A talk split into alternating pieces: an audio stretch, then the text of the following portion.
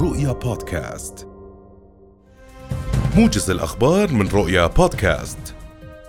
وجه جلالة الملك عبد الله الثاني كلمة للأردنيين بمناسبة عيد الاستقلال السادس والسبعين. أكد فيها جلالته على قصة الكفاح والعطاء المجبولة بالدم والعرق ومسيرة الأردنيين. وقال جلالته من حقنا أن نحتفل باستقلال الأردن الذي صمد في وجه التحديات وظل على عهد الآباء والأجداد. ومن حقنا أن نحتفل باستقلال الأردن الذي يقف إلى جانب أمته العربية وقضاياها وعلى رأسها القضية الفلسطينية. يسرني أن أتوجه بالتهنئة لكل أردني وأردنية. وهم يحتفلون بهذه المناسبة لأول مرة في المئوية الثانية من عمر وطننا العزيز. كما أكد جلالته في كلمته مواصلة حمل أمانة المسؤولية النابعة من الوصاية الهاشمية على المقدسات في القدس.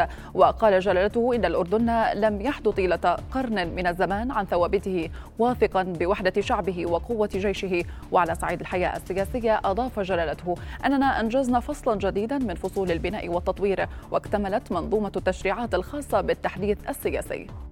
الأردن الذي لم يحد طيلة قرن من الزمان عن ثوابته وهو يواكب التطور ويمضي إلى الأمام في تحقيق طموحات شعبه في التحديث والتغيير. وأكد جلالة الملك على أن الأردن الجديد سيكون ملكا للأجيال الشابة التي ترسم له ملامح الطريق. وقال إن مسار التحديث لا يكتمل دون اقتصاد قوي. يرفع من معدلات النمو وفرص العمل. وقال جلالته إن الأيام المقبلة ستشهد إطلاق رؤية اقتصادية كاملة للسنوات القادمة وأن الحكومة ستعمل قبل نهاية الشهر المقبل على إنجاز برنامج لتطوير القطاع العام. لا يكتمل مسار التحديث دون اقتصاد قوي يرفع من معدلات النمو ويخلق فرص العمل. ولذلك سنطلق خلال الأيام القادمة رؤية اقتصادية متكاملة للسنوات المقبلة لتكون وثيقة مرجعية شاملة. وستعمل الحكومة قبل نهاية الشهر المقبل على إنجاز برنامج لتطوير القطاع العام.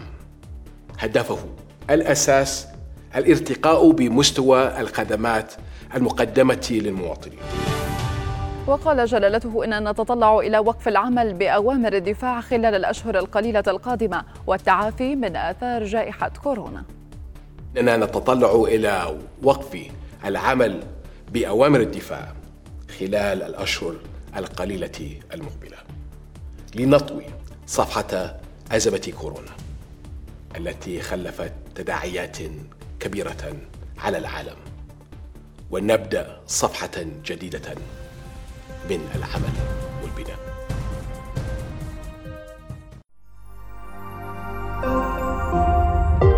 رؤيا بودكاست.